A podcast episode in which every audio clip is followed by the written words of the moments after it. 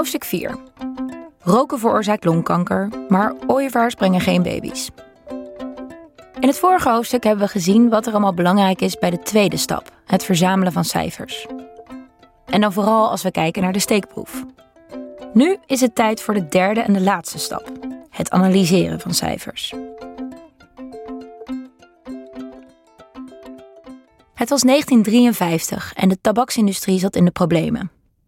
De aandelen van Philip Morris, US Tobacco Company en andere fabrikanten kelderden plotseling in waarde. De aanleiding? Een publicatie van kankeronderzoeker Ernest Winder en collega's, die teer uit sigaretten met een kameelharen borsteltje op de geschoren ruggetjes van witte muizen hadden gesmeerd. De resultaten van dit onderzoek waren uiterst pijnlijk. 44% van de muizen in de testgroep had kanker gekregen. Van de 81 muizen die met teer beschilderd waren, was na 20 maanden nog maar 10% in leven geweest. Bij de niet ingesmeerde controlegroep was geen enkel geval van kanker gevonden. En 53% had na 20 maanden nog geleefd. De New York Times, Life en ook het enorm populaire Reader's Digest hadden bezorgd over het onderzoek geschreven. Het laatste onder de lugubere kop: kanker per pakje. De tabaksmagnaten konden de ophef niet langer negeren en kwamen in december van dat jaar bijeen onder de hoge plafonds van The Oak Room aan het New Yorkse Central Park. In dit gerenommeerde restaurant wilden ze een plan smeden om hun industrie te beschermen tegen kritische onderzoekers. En wie kon ze daarbij beter helpen dan de man die bij hen aan tafel zat? John Hill.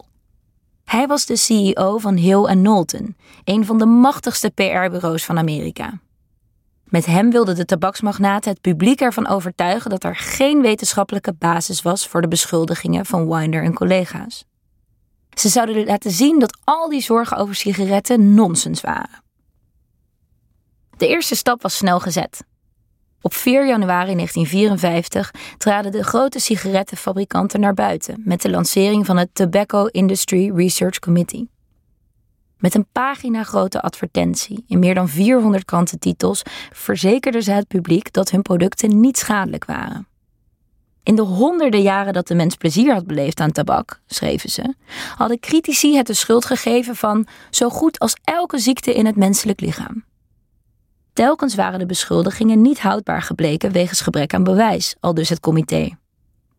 Maar dat er nu alleen al een verdenking bestond over het gevaar van tabak, dat stemde de fabrikanten uiteraard diep bezorgd, schreven ze. Met een nieuwe samenwerking zouden ze bijdragen aan onderzoek naar alle stadia van tabaksgebruik en gezondheid. Het was het begin van een samenzwering die bijna 50 jaar zou duren en talloze levens zou kosten. Het Amerikaanse ministerie van Justitie zou later stellen dat de magnaten op die beruchte decemberdag hadden besloten om het Amerikaanse volk te misleiden over de gezondheidsgevolgen van roken. Maar de tabaksindustrie stond niet alleen. Duizenden wetenschappers hielpen mee aan het bedrog.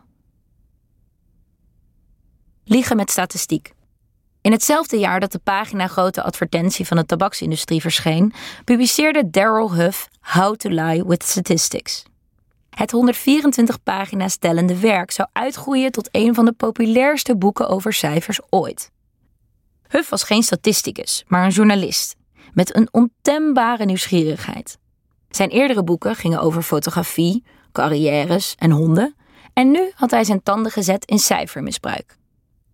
Oplichters kennen deze trucs al, schreef hij smeuig in de inleiding. Oprechte mensen moeten ze leren ter zelfverdediging. Het boek werd een razend succes. Alleen al van de Engelse versie werden meer dan anderhalf miljoen exemplaren verkocht. How to Lie with Statistics is een van mijn lievelingsboeken over cijfers. Met veel humor schrijft Huff over fouten die nog altijd worden gemaakt, zoals niet-representatieve peilingen en misleidende grafieken. En hij schrijft ook uitgebreid over een andere klassieke fout: het door elkaar halen van correlatie en causaliteit. De vergissing dat omdat er een verband bestaat tussen twee dingen, het een het ander automatisch ook veroorzaakt. Zo kun je, laat Huff slim zien, een goede inschatting maken van het aantal baby's in een huis door het aantal ooievaarsnesten op een dak te tellen. Met andere woorden, er is een verband tussen baby's en ooievaars. Maar, spoiler alert, kinderen worden niet bezorgd door zwart-witte vogels. Het verband tussen de twee, de correlatie, betekent niet dat het een de ander ook veroorzaakt. Causaliteit. Er kan namelijk heel goed sprake zijn van een andere factor die beide zaken beïnvloedt. Huff schrijft: Grote huizen trekken grote en potentieel grote gezinnen aan. En grote huizen hebben meer schoorstenen waar meer ooievaars kunnen nestelen. Deze fout kunnen herkennen is niet alleen belangrijk voor statistici, maar voor ons allemaal. Veel belangrijke beslissingen worden gebaseerd op een verondersteld oorzakelijk verband. Een roker stopt met sigaretten omdat hij hoort dat hij anders longkanker krijgt. De Nederlandse regering komt met stikstofbeleid omdat onderzoek stelt dat de uitstoot milieuschade oplevert. En we hielden in Nederland anderhalve meter afstand omdat we van het RIVM hoorden dat dat hielp tegen de verspreiding van het coronavirus. Als je weet hoe iets veroorzaakt wordt, is het idee, dan kun je het ook veranderen. Maar dan moet je niet correlatie en causaliteit door elkaar gaan halen. We zagen deze fout al eerder opduiken in hoofdstuk 2, toen politici claimden dat iemands huidskleur bepalend was voor zijn of haar IQ-score. En in hoofdstuk 3, toen psycholoog Amy Cuddy stelde dat een bepaalde lichaamshouding effect had op je hormoonspiegel. Maar nergens zie je de causaliteitsfout zo vaak terugkomen als in gezondheidsnieuws. Je kent het wel. Je hooikortsklachten worden minder als je gin tonics drinkt. Je krijgt sneller een SOA als je je schaamhaar wegscheert. En pure chocolade is goed voor je hart. Het is slechts een greep uit de berichten die ons dagelijks overspoelen.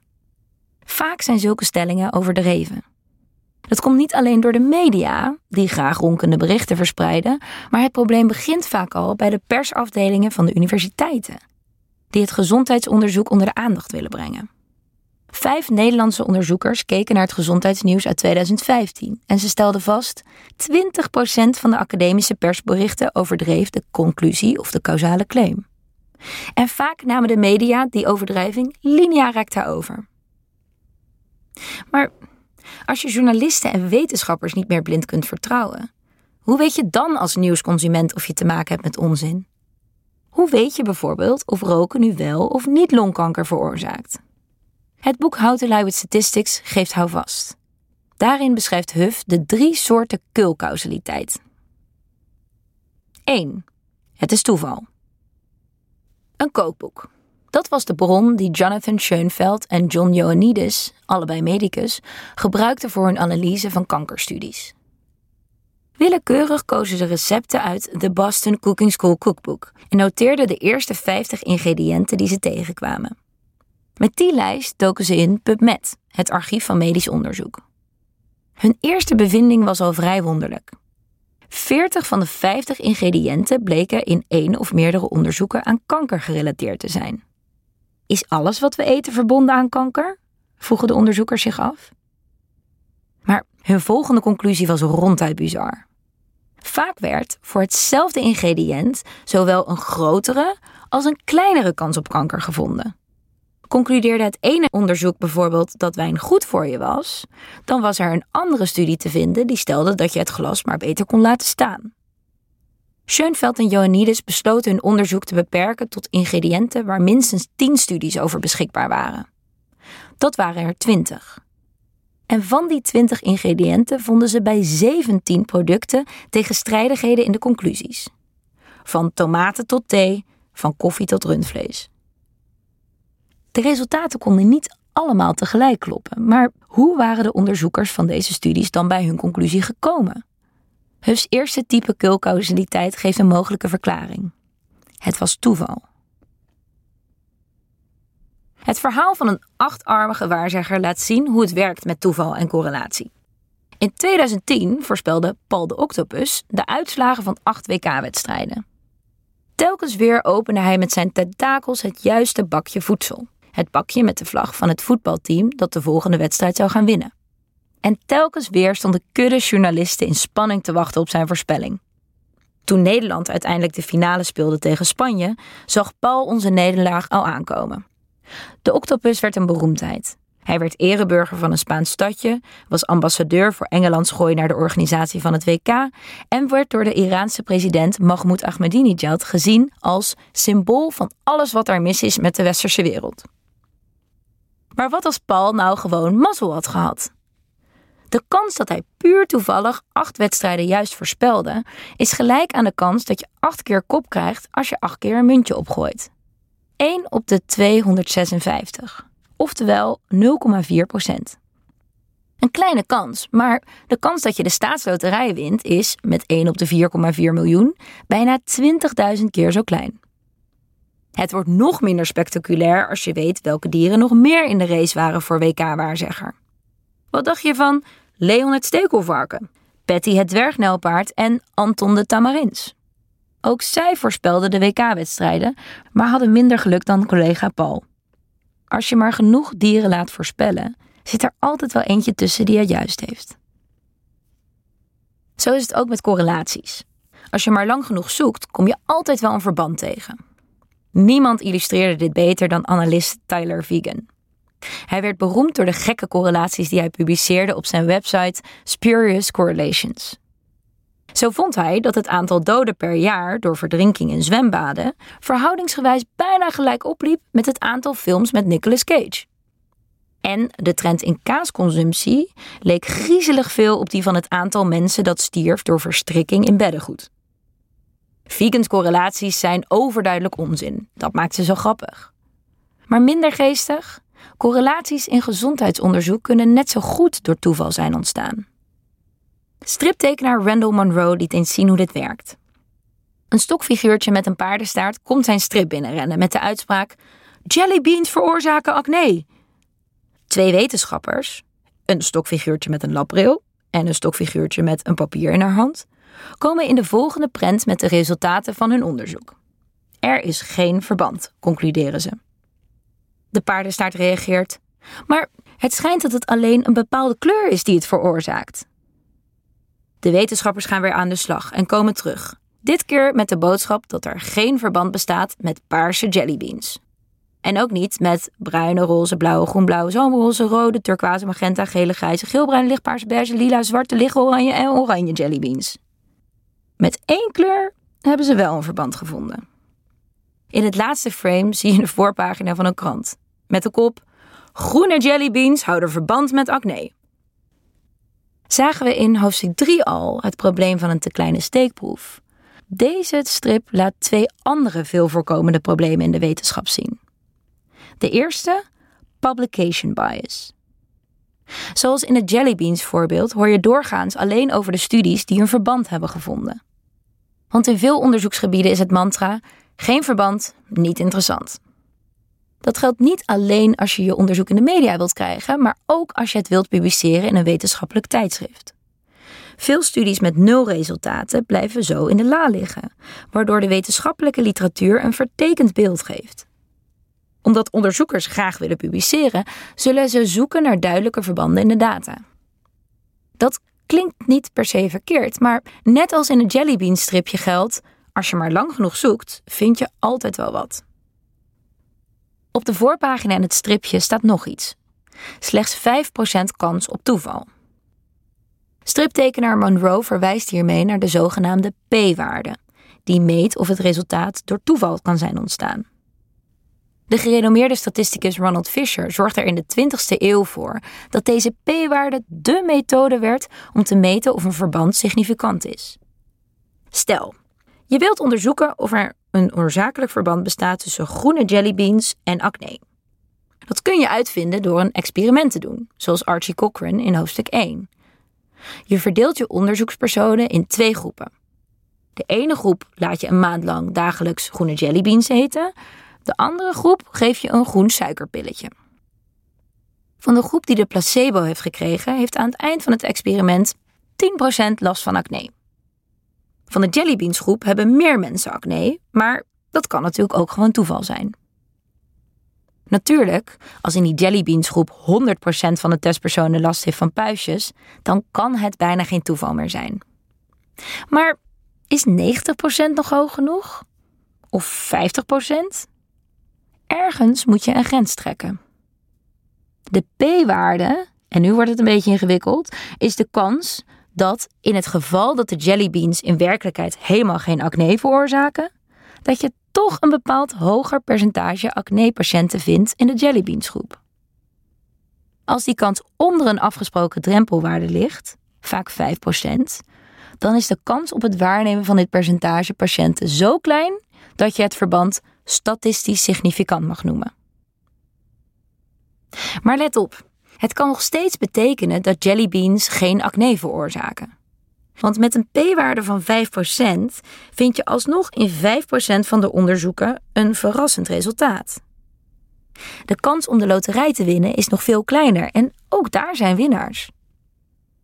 En nu komen we op het tweede cijferprobleem in de wetenschap. Lange tijd was er in veel sociale wetenschappen een monomane focus op de p-waarde. Wetenschappelijke tijdschriften publiceerden het liefst alleen significante resultaten en voor veel onderzoekers geldt publish or perish. Je moet genoeg publiceren, anders lig je eruit. Daarom gingen ze verwoed op zoek naar p-waarden die maar laag genoeg waren. Dit wordt p-hacking genoemd. Professor Brian Wensing van Cornell University ging wel erg ver in het p-hacken.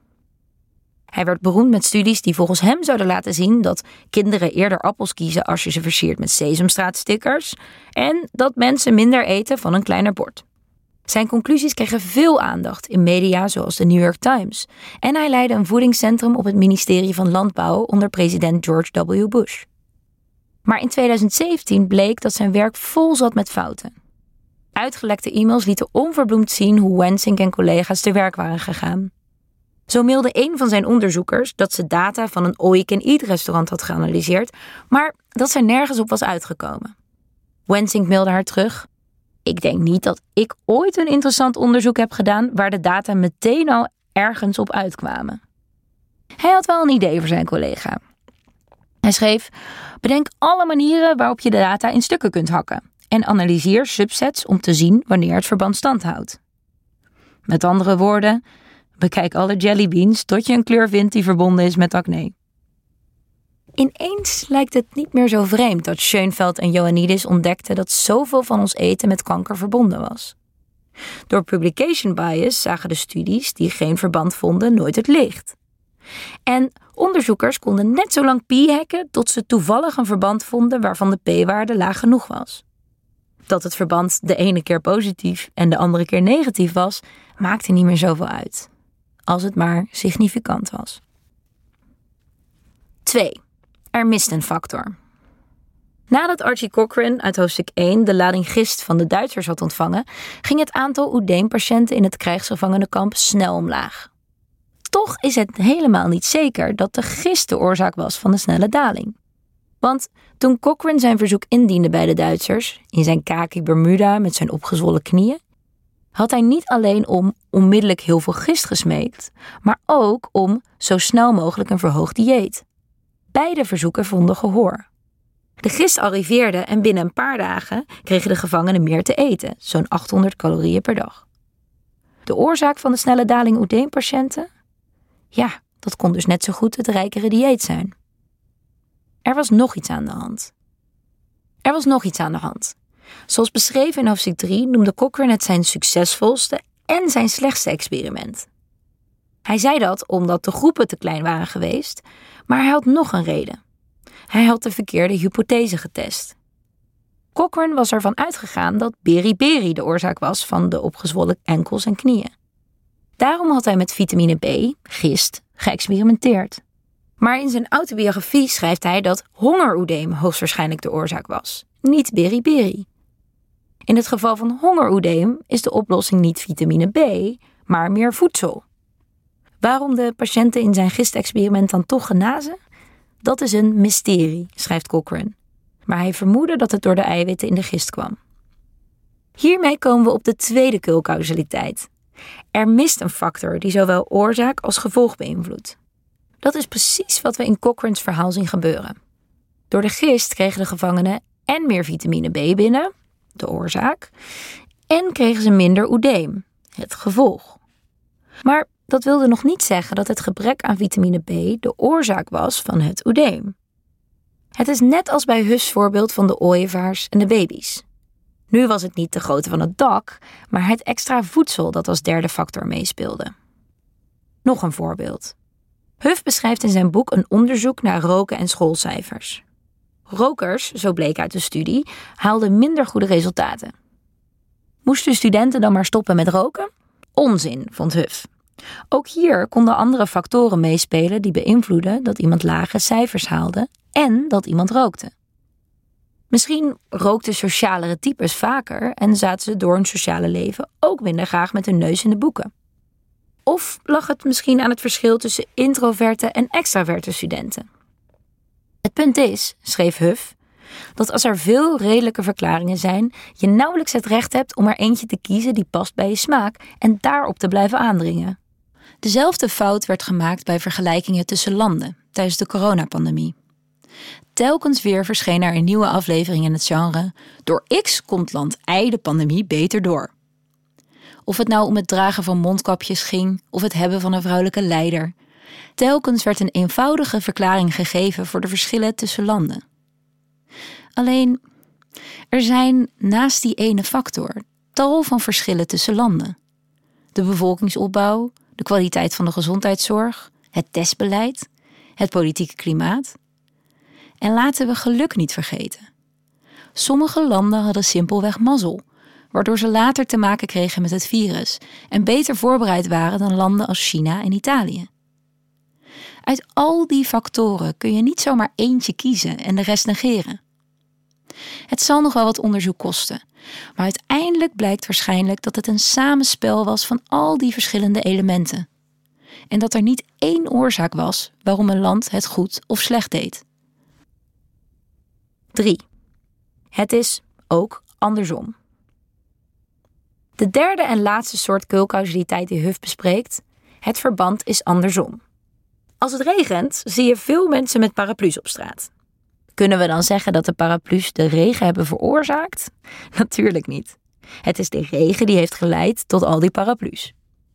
Maar oorzaak en gevolg zijn niet altijd zo duidelijk, laat Huff zien. Als een rijk iemand veel aandelen heeft, is hij dan rijk geworden door de aandelen of kon hij ze kopen doordat hij veel geld had? Het kan allebei waar zijn. De causaliteit kan zelfs beide kanten opgaan. Iemand is rijk, koopt aandelen, wordt rijker, kan dan meer aandelen kopen, etc. Hetzelfde geldt voor de obesitasparadox. De vondst dat mensen met overgewicht soms betere overlevingskansen hebben dan mensen met een normaal gewicht. Verrassend, want je hoort juist vaak dat overgewicht ongezond is. Onderzoekers concludeerden dat het overgewicht een of andere beschermende functie moest hebben die je langer in leven houdt. Maar een belangrijk feit werd over het hoofd gezien. Als je ziek bent, val je af. Het lage gewicht was dus niet per se de oorzaak van de slechte gezondheid, maar kon ook het gevolg zijn. Die conclusie werd bevestigd in een studie uit 2015, waarin werd gecorrigeerd voor het gewichtsverlies. Onthoud dus dat correlatie niet automatisch een kausaal verband betekent. Want er kan sprake zijn van 1. toeval, 2. een missende factor of 3. een omgekeerd verband. Maar hoe weet je dan wanneer er wel sprake is van een oorzakelijk verband? Specifieker, hoe zijn we ooit te weten gekomen dat roken leidt tot longkanker? Intermezzo. Relatieve en absolute kansen. In het najaar van 2015 trok nieuws over bewerkt vlees, denk aan worstjes en bacon, veel aandacht. Het NOS-journaal berichtte: Mensen die dagelijks bewerkt vlees eten lopen bijna 20 keer meer risico op het krijgen van darmkanker. Ook veel andere media besteden aandacht aan het nieuws. Of, zoals Arjen Lubach het in zijn satirische nieuwsshow Zondag met Lubach stelde, iedereen deed mee in het spelletje hoe kunnen we dit bericht zo kankerverwekkend mogelijk brengen. Neem de metro. Bacon is net zo kankerverwekkend als roken, stond er in de kop. Om de volgende dag uit te pakken met: Kan ik nog wel eten zonder dood te gaan? Als het je lukt, ben je de eerste, merkte Lubach op. Ook de NOS had het wat overdreven. Want die bijna 20 keer had bijna 20 procent moeten zijn. Toch deden ook de media met de juiste cijfers mee aan de paniekzaaierij. Niet zo gek, want een groei van 20% lijkt fors. Maar een belangrijk detail ontbrak in veel berichtgeving. 20% van wat? Als je naar de data kijkt, blijken 6 op de 100 Nederlanders ooit darmkanker te krijgen. Dit percentage wordt volgens de Wereldgezondheidsorganisatie 18% lager, daar kwam die bijna 20% vandaan, als je stopt met het eten van bewerkt vlees. Van 6 op de 100 naar 5 op de 100. Zulke berichtgeving zie je vaak bij gezondheidsnieuws. Je leest over het relatieve risico, bijna 20%, maar niets over wat dat in absolute termen betekent. 1 op de 100. Hoe Hitler levens van miljoenen rokers had kunnen redden. Hoe is het onderzoek naar roken en longkanker begonnen? Het experiment van Weiner en collega's, die teer smeerden op muizenruggetjes, had de tabaksfabrikanten in 1953 op stang gejaagd. Maar het wetenschappelijk onderzoek naar de gezondheidsrisico's van roken was al veel ouder. Al in 1898 schreef de Duitser Hermann Rothman over een mogelijke link tussen roken en longkanker. En in 1930 publiceerde de Duitse arts Frits Likind als een van de eerste statistisch bewijs voor dat verband. In diezelfde jaren 30 deed de Argentijn Angel Roffo als eerste dierenexperimenten, waarbij hij teer aanbracht op de oren van konijnen. Op een misselijkmakende tekening uit die tijd zie je hoe een bruin fluwelen oortje bezaaid is met frambozenrode gezwellen. Roffo publiceerde honderden artikelen over roken en longkanker, voornamelijk in Duitse tijdschriften. Het is niet toevallig dat het vroege onderzoek naar de gevolgen van roken sterk verbonden was met Duitsland. Duitsland was in de jaren 30 het meest ontwikkelde land op het gebied van de geneeskunde. Bovendien zou er in de 20e eeuw geen leider zijn die zo tegen roken was als Adolf Hitler. Hij claimde zelfs dat het nationaal socialisme nooit had kunnen zegevieren als hij in 1919 niet was gestopt met roken. Niet de sigaret, maar de Führer moest de macht hebben over het lichaam van de mensen. En dus moest deze bedreiging, net als de Joden, buiten de deur worden gehouden. In 1939 publiceerde de Duitse onderzoeker Likind Tabak und Organismus, een 1200 pagina's tellend boek waarin hij meer dan 7000 studies naar roken samenvatte. Dit en ander meta-onderzoek leidde tot een consensus onder de experts. Begin jaren 40 waren de meeste Duitse artsen en ambtenaren het er dan ook over eens. Roken was schadelijk. Maar het was niet het Duitse onderzoek waardoor we weten dat roken longkanker veroorzaakt. Toen in 1953 de Amerikaan Winder met collega's over het muizenexperiment publiceerde, werden ze onthaald als pioniers. En ook het onderzoek van de Britten Richard Dole en A. Bradford Hill uit 1952 werd als revolutionair gezien. Tot op de dag van vandaag worden deze Angelsaksische wetenschappers beschouwd als de grondleggers van het onderzoek naar roken. Terwijl hun onderzoek mocht dan geavanceerder zijn, de Duitsers waren hen minstens tien jaar voor. Maar de Duitse studies verdwenen na de oorlog uit het wetenschappelijke bewustzijn. Veel van de Duitse wetenschappers hadden de oorlog niet overleefd. En belangrijker nog, gezondheidsonderzoek van Duitsers had een vieze bijsmaak gekregen. Wat dit verhaal duidelijk maakt? Wetenschappelijke vooruitgang verloopt niet altijd in een rechte lijn. Er wordt vooruitgang geboekt om soms na een paar jaar weer terug bij af te zijn. Ironisch, een van de grootste massamoordenaars uit de geschiedenis, had met zijn anti-rookpropaganda de levens van miljoenen rokers kunnen redden.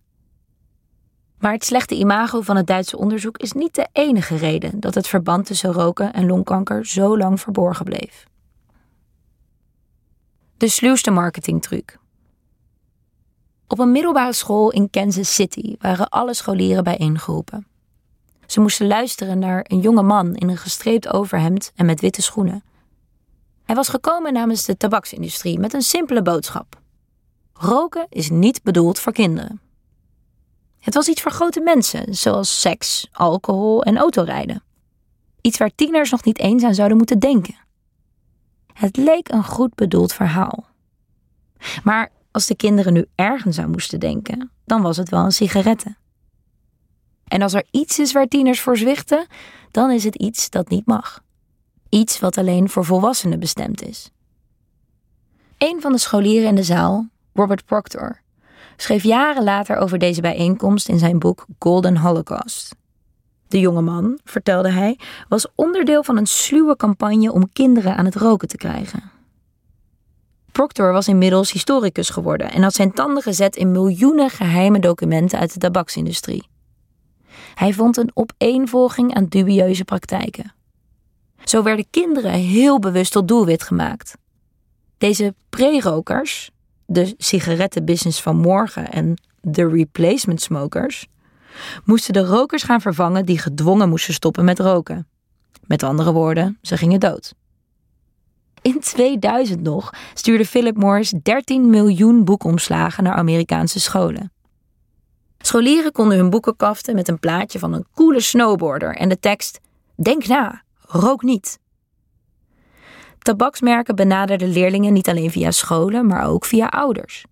In voorlichtingsflyers werden vaders en moeders aangemoedigd om vooral met hun kinderen over de gevaren van roken te praten. Het is marketing die een stuk onopvallender is dan posters of reclamefilmpjes. Al deed de tabaksindustrie dat ook volop natuurlijk. Ze gebruikten soepele slogans, uit Walk Mile for Camel, en sterke rolmodellen, denk maar aan de Marlboro-man. Ze was de eerste met billboards, product placements in Hollywoodfilms en impuls aankopen in de supermarkt. Maar onopvallende, sluwe marketingtrucs waren wat de tabaksindustrie echt onderscheiden van andere bedrijven. Historicus Proctor ontdekte in de geheime memo's en andere stukken ook hoe sigaretten door de jaren heen steeds verslavender werden gemaakt. Bijvoorbeeld door drop toe te voegen die de rook zoeter deed smaken. Of ammoniak, waardoor de nicotine nog verslavender werd. Ook zag hij dat de industrie steeds meer doelgroepen aanboorde, zoals vrouwen en scholieren. Eén marketingtruc was misschien wel het meest doortrapt. Het was de list die werd bekokstoofd in de Oak Room in 1953 en die sindsdien miljoenen mensen om de tuin leidde. De list wordt het best samengevat door John Burgert, marketingdirecteur voor een van de grote tabaksmerken, die, uiteraard in een vertrouwelijk document, schreef: Twijfel is ons product. Het doel van de tabaksmagnaten was niet om aan te tonen dat roken gezond voor je is. Ze wisten, het was al genoeg als er twijfel bestond over de gevolgen van tabak. Sinds de bijeenkomst in de Oak Room zou het Tobacco Industry Research Committee, later het Council for Tobacco Research, alles op alles zetten om verwarring te zaaien over de conclusie van het wetenschappelijk onderzoek naar roken. Pas in 1998 werd de club afgeschaft, na een juridisch akkoord tussen de tabaksindustrie en de procureur-generaals van 47 Amerikaanse staten. De tabaksindustrie had toen al honderden miljoenen uitgegeven aan gezondheidsonderzoek. De onderzoeksbeurzen van de commissie gingen naar studies over tabak en gezondheid. Maar in werkelijkheid hadden ze daar zelden mee te maken. Historicus Proctor schrijft: Het doel was eigenlijk om op zo'n manier te zoeken dat je niets kon vinden. En dan te stellen dat de vele miljoenen die waren besteed aan roken en gezondheid nooit enig bewijs van nadelen hadden blootgelegd. Hij vond dan ook honderden persberichten met het wetenschappelijke mantra: meer onderzoek is nodig. Of, zoals een van de tabaksmerken stelde, onderzoek moet door en doorgaan. Niet alleen kon de tabaksindustrie zo suggereren dat ze de wetenschap wel degelijk serieus nam, het was ook goed voor haar imago dat ze beurzen gaf aan onderzoekers van keurige universiteiten zoals Stanford en Harvard. Tegelijkertijd kon ze een stal aan experts opbouwen, met wetenschappers die industrievriendelijke artikelen konden schrijven of die konden getuigen voor de rechtbank als het nodig was. En zo komen we terug bij Daryl Huff. Hij mocht dan geen wetenschapper zijn. De schrijver van How to Lie with Statistics paste perfect in de stal van de tabaksindustrie. Want wie kon er sappiger over cijfers praten dan meneer Hoe lieg ik met statistiek himself? Op 22 maart 1965 verscheen hij voor het Amerikaanse congres om een verklaring af te leggen. Het was in een hoorzitting over advertenties en verpakkingen van sigaretten. De correlatie tussen roken en slechte gezondheid, vond hij, moest je vooral niet door elkaar halen met causaliteit. Intermezzo, grafieken. Florence Nightingale, zagen we al in hoofdstuk 1, wist de regering te overtuigen met grafieken. Maar grafieken kunnen ook worden gebruikt om twijfel te zaaien. In 1979 verspreidde het Tobacco Institute, een instituut gefinancierd door de tabaksindustrie, een grafiek met de ontwikkeling van verschillende soorten kanker. Wetenschappelijk onderzoek had gesuggereerd dat zowel het percentage rokers als het aantal kankerpatiënten was toegenomen door de jaren heen. En deze grafiek moest laten zien dat dat niet per se het geval was. Ze toonde het aantal patiënten met mond- en keelkanker, met blaaskanker en met slokdarmkanker. Die grafiek zag er zo rommelig uit dat je maar moeilijk kon zeggen dat er een consequente toename was. Maar wat ontbrak er in de grafiek? Jawel, het belangrijkste gevolg van roken: longkanker. Niet alleen de tabaksindustrie zei twijfel met grafieken. Op 14 december 2015 twitterde The National Review, een conservatief Amerikaans tijdschrift, het volgende. De enige klimaatverandering grafiek die je hoeft te zien. Op het plaatje bij de tweet zag je de temperatuur sinds 1880. Wat bleek? De gemiddelde temperatuur was de afgelopen 135 jaar nauwelijks veranderd. De temperatuurlijn was zo vlak als de hartmonitor van een overleden patiënt. Mijn instinctieve reactie? Die data moesten fout zijn. Want er zijn talloze metingen die laten zien dat de temperaturen stijgen. De National Review moest de cijfers wel hebben verzonnen, dacht ik. Maar nee, de data klopten. Ze kwamen van een betrouwbare bron, de NASA, de Amerikaanse ruimteorganisatie. Ik keek nog een keer. Er was een duidelijke titel, er waren labels bij de assen voor de temperatuur en voor het jaartal. De grafiek voldeed aan alles wat je op school leert over grafieken. De periode op de horizontale as, 1880 tot na 2010, leek prima om een lange termijn verandering weer te geven. En ook met de schaal van de verticale as leek mij niks mis. Min 10 tot 110 Fahrenheit. Omgerekend min 23 tot 43 graden Celsius. Geen absurde temperaturen, want er zijn plekken ter wereld die zo koud, denk aan Siberië, of zo warm, Las Vegas, kunnen worden. En toch gaat het daar mis, op de verticale as. Want het gaat hier niet om de temperatuur op één plek, op één moment. Het gaat om de gemiddelde temperatuur op de hele wereld. En daar maakt een paar tiende graden al een enorm verschil. Klimaatexperts zijn het erover eens dat een gemiddelde opwarming van minder dan 2 graden Celsius al catastrofale gevolgen kan hebben. Maar zo'n verandering kon je in deze grafiek van de National Review helemaal niet zien, want de schaal van de verticale as was veel te klein. Stel dat ik mijn leeftijd in een grafiek zou willen zetten en ik maak de verticale as 0 tot 5000 jaar. Ja, dan ziet die lijn er ook hartstikke plat uit, maar dan kan ik natuurlijk niet zeggen dat ik de afgelopen 31 jaar geen dag ouder ben geworden. Pak je de grafiek van National Review er weer bij en zoom je in op de verticale as, dan zie je opeens een heel ander verhaal. De temperatuur is wel degelijk toegenomen de laatste jaren. Toeval, missende factoren en omgekeerde verbanden.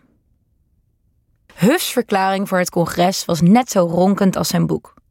Stuk voor stuk liep hij zijn bezwaren af tegen de onderzoeken naar roken. Hij zinspeelde erop dat de manier van registreren was veranderd, waardoor er een grote toename in longkanker leek te zijn ontstaan.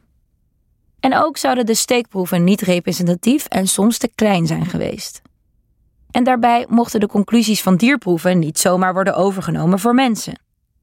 Hij dacht vast aan het gezaghebbende onderzoek van Winder en collega's met het teer op de muizenruggetjes toen hij zei: Muizen zijn geen mensen. Zo bouwde hij zijn pleidooi op om bij zijn belangrijkste bezwaar uit te komen. Hij zei: Als we, ondanks al deze moeilijkheden, accepteren dat er een verband bestaat tussen roken en gezondheid, moeten we een laatste en cruciale vraag stellen. Betekent de correlatie tussen roken en longkanker automatisch dat er een kausaal verband is? Nee, stelde Huff. En hij begon te vertellen over de ooievaars en de baby's. Hij somde de drie soorten kulkausaliteit uit zijn boek op.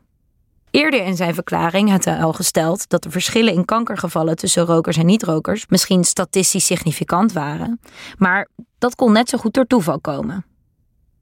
Ook leek hij de mogelijkheid te suggereren dat het verband andersom was, toen hij zei: Als Yale-afgestudeerden meer geld hebben dan de meeste van ons, komt dat dan doordat ze naar Yale zijn geweest? Of komt het doordat Yale over het algemeen jongens krijgt uit rijke families? Huff was niet de eerste die op de mogelijkheid van een omgekeerd verband wees. Ronald Fisher, de statisticus die de p-waarde had gepopulariseerd, had deze mogelijkheid ook al eens geopperd. Is het mogelijk dat longkanker een van de oorzaken is van het roken van sigaretten? Schrijft hij in een pamflet uit 1959. Nog voordat de ziekte wordt ontdekt, wijde Fischer uit, hebben patiënten al lichte ontstekingen. Net zoals mensen een sigaretje erbij pakken als het even tegenzit, vertraging met de trein, een vervelende vergadering, gaan mensen misschien ook wel roken doordat ze last hebben van hun longen. Een sigaret wegnemen van een arme vent, schreef hij, zou net zo erg zijn als het wegnemen van de witte stok van een blinde. Maar Fischer, een fanatieke pijproker, vond uiteindelijk een andere verklaring waarschijnlijker. Er miste een factor. Hij was ervan overtuigd dat genen bijna alle verschillen tussen mensen konden verklaren. Als je bepaalde genen had, meende Fischer, zou je eerder gaan roken. Darrell Huff had het niet over genen in het congres. Maar ook hij dacht dat rokers anders in elkaar staken dan niet-rokers. Ze hadden vaker overgewicht, dronken meer bier, whisky en koffie. Ook trouwden ze vaker, gingen ze vaker naar het ziekenhuis en veranderden ze vaker van baan. Je kon niet zomaar één van al die verklaringen kiezen en de rest negeren. Wanneer weet je genoeg? Bestaat er zoiets als de waarheid? Wat blijft er over van cijfers na alle nuanceringen over standaardiseren in hoofdstuk 2, de fouten bij dataverzameling in hoofdstuk 3 en de misleiding en de verkeerde analyses die we in dit hoofdstuk zagen? Kunnen we cijfers maar beter naast ons neerleggen en ons in blauwe walmen hullen zoals de reclamebonzen in Mad Men, omdat we toch niet weten wat roken met ons doet? De argumenten van Huff en Fisher stoelden op de drie soorten kulcausaliteit. Er was een verband, maar dat verband was niet per se oorzakelijk. Als je bij vergelijkingen tussen coronacijfers van landen niet zomaar één verklaring mag uitkiezen, waarom dan wel bij vergelijkingen tussen rokers en niet-rokers? Hoe weten we dat niet ook het onderzoek naar roken en longkanker leidt aan een publication bias, waarbij nul resultaten in de la blijven liggen? En klopte er soms iets van die omgekeerde causaliteit van Fisher, die ook de obesitasparadox had verklaard? Dit was het slimme van de tabaksindustrie. Ze kwamen met argumenten die in andere contexten heel valide waren. Natuurlijk konden de resultaten van een studie door toeval zijn ontstaan. En zelfs als dat niet het geval was, dan kon er nog sprake zijn van andere niet meegenomen factoren. Fischer betoogde in zijn pamflet dat er maar één mogelijkheid was om die alternatieve verklaringen uit te sluiten: een experiment. Maar hij wist dat medici en het grote publiek het onethisch vonden om mensen te laten roken als het misschien slecht voor ze was. Dus werden de experimenten niet op mensen gedaan, maar op dieren. En daar kwam Hus argument om de hoek kijken. Mensen zijn geen muizen. Zo sponnen Huff en Fisher een web waar niet aan te ontsnappen was. Met deze argumenten was het simpelweg onmogelijk om ooit tot een sluitende conclusie te komen. En dat was precies waar de tabaksindustrie de discussie wilde hebben. In een eindeloze tunnel waar je alsmaar kon blijven roepen dat meer onderzoek nodig was en waar je nooit een conclusie hoefde te trekken. Dit is de grote uitdaging waar de wetenschap voor staat. Een oorzakelijk verband afbranden is gemakkelijk. Het bewijzen is heel lastig. Hoe weten we dan toch dat roken longkanker veroorzaakt? De argumenten van Huff en Fischer sneden hout maar alleen als je keek naar afzonderlijke studies. Eén studie, hoe goed uitgevoerd dan ook, is nooit voldoende om iets te bewijzen.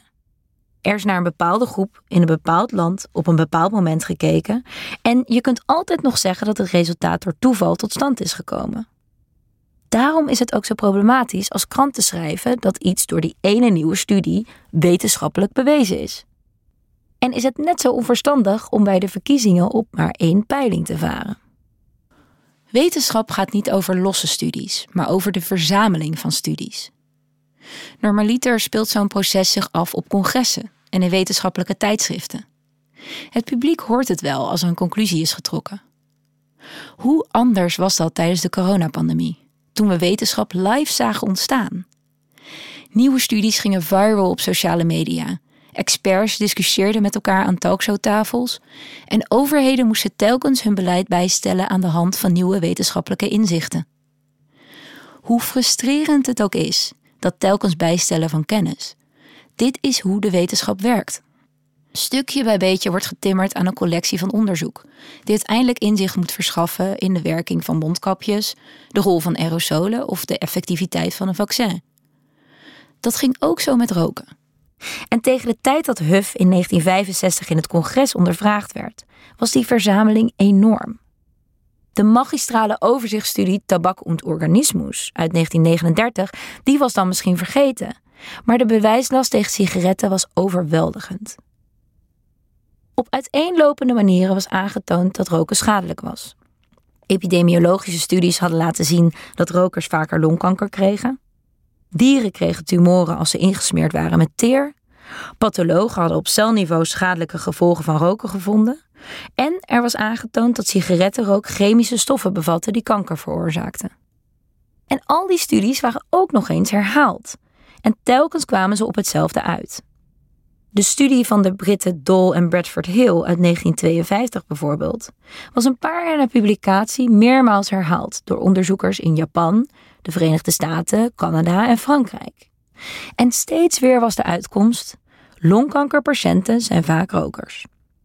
Op een gegeven moment is het bewijs zo sterk dat als één studie een tegenovergestelde uitslag geeft, de conclusie toch overeind blijft. Hetzelfde zie je bij het onderzoek naar klimaatverandering. De opwarming van de aarde is niet bewezen door één milde winter, maar door legio onderzoeken naar koraalriffen, gletsjers, CO2-toename, temperatuurstijging, etc. Net als bij roken kwamen die studies telkens tot dezelfde conclusie. Onderzoekers met verschillende achtergronden, blinde vlekken en belangen zagen hetzelfde op basis van verschillende manieren van meten, data verzamelen en analyseren. Als het onderzoek zo overweldigend is, dan is er sprake van een wetenschappelijke consensus. Zo'n consensus betekent niet dat 100% van de wetenschappers zich achter een conclusie schaart. Ook niet dat alle onderzoeken op hetzelfde uitkomen. Wetenschap zal nooit volledige zekerheid kunnen bieden, want twijfel is de aard van het vak. Kennis groeit al eeuwenlang omdat wetenschappers het lef hebben om vraagtekens te zetten bij de dogma's van hun tijd. Galileo Galilei durfde te stellen dat de aarde om de zon draaide. Albert Einstein waagde het om Isaac Newton in twijfel te trekken. En Archie Cochrane was eigenwijs genoeg om de strijd aan te gaan met artsen. Maar de tabaksindustrie gebruikte twijfel, de kernwaarde van de wetenschap, voor eigen gewin. Niet om dichter bij de waarheid te komen, maar om het grote publiek er zo ver mogelijk bij vandaan te houden. Het waren wetenschappers die haar daarbij hielpen, maar het waren ook wetenschappers die aan het eind van de jaren 50 concludeerden: nu weten we genoeg. De tabaksindustrie bleef het verband tussen sigaretten en longkanker nog lang ontkennen. Tot in 1994 verklaarden de bazen van de zeven grote sigarettenmerken dat ze niet geloofden in het verband. En in 1998 verklaarde de directeur van Philip Morris onder Ede: Ik geloof niet dat het roken van sigaretten kanker veroorzaakt. Intern was het een ander verhaal. Al in 1953, negen maanden voordat het muizenonderzoek verscheen, had Claude Teague, een medewerker van sigarettenfabrikant R.J. Reynolds, een overzicht gemaakt van de bestaande wetenschappelijke onderzoeken naar roken. Zijn overzichtsstudie zou uiteindelijk als bewijsstuk dienen in rechtszaken tegen de tabaksindustrie, omdat ze aantoonden dat de fabrikanten zich al vroeg bewust waren van de schadelijke gevolgen. Maar Teague's rapport kwam pas in de jaren 90 naar boven. Want het werd, het was te verwachten, nooit gepubliceerd. How to lie with smoking statistics. Nog altijd financiert de tabaksindustrie wetenschap. Zo werd in 2017 bekend dat Philip Morris International jaarlijks 80 miljoen dollar zou gaan geven aan de Foundation for a Smoke-Free World. De Wereldgezondheidsorganisatie reageerde fel. Dit was overduidelijk belangenverstrengeling. Ook buiten de tabaksindustrie is twijfel intussen een krachtig wapen geworden tegen wetenschappelijk bewezen verbanden. Naomi Oreskes en Eric Conway laten in hun boek Merchants of Doubt zien dat dezelfde listen worden gebruikt bij het ontkennen van klimaatverandering. Of neem de internationale zuivelindustrie, die onderzoek financierde dat de consensus over de nadelige gevolgen van melkvet in twijfel moest trekken.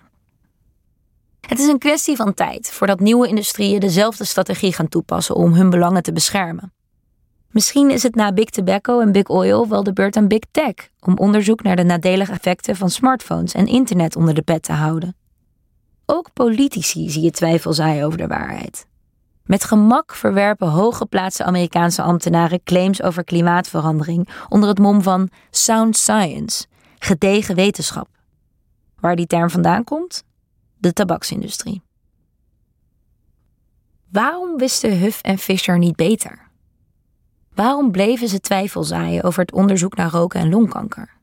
Misschien was Huff wel zo gewend om onderzoek neer te sabelen dat hij het domweg niet kon toegeven wanneer het wel deugde.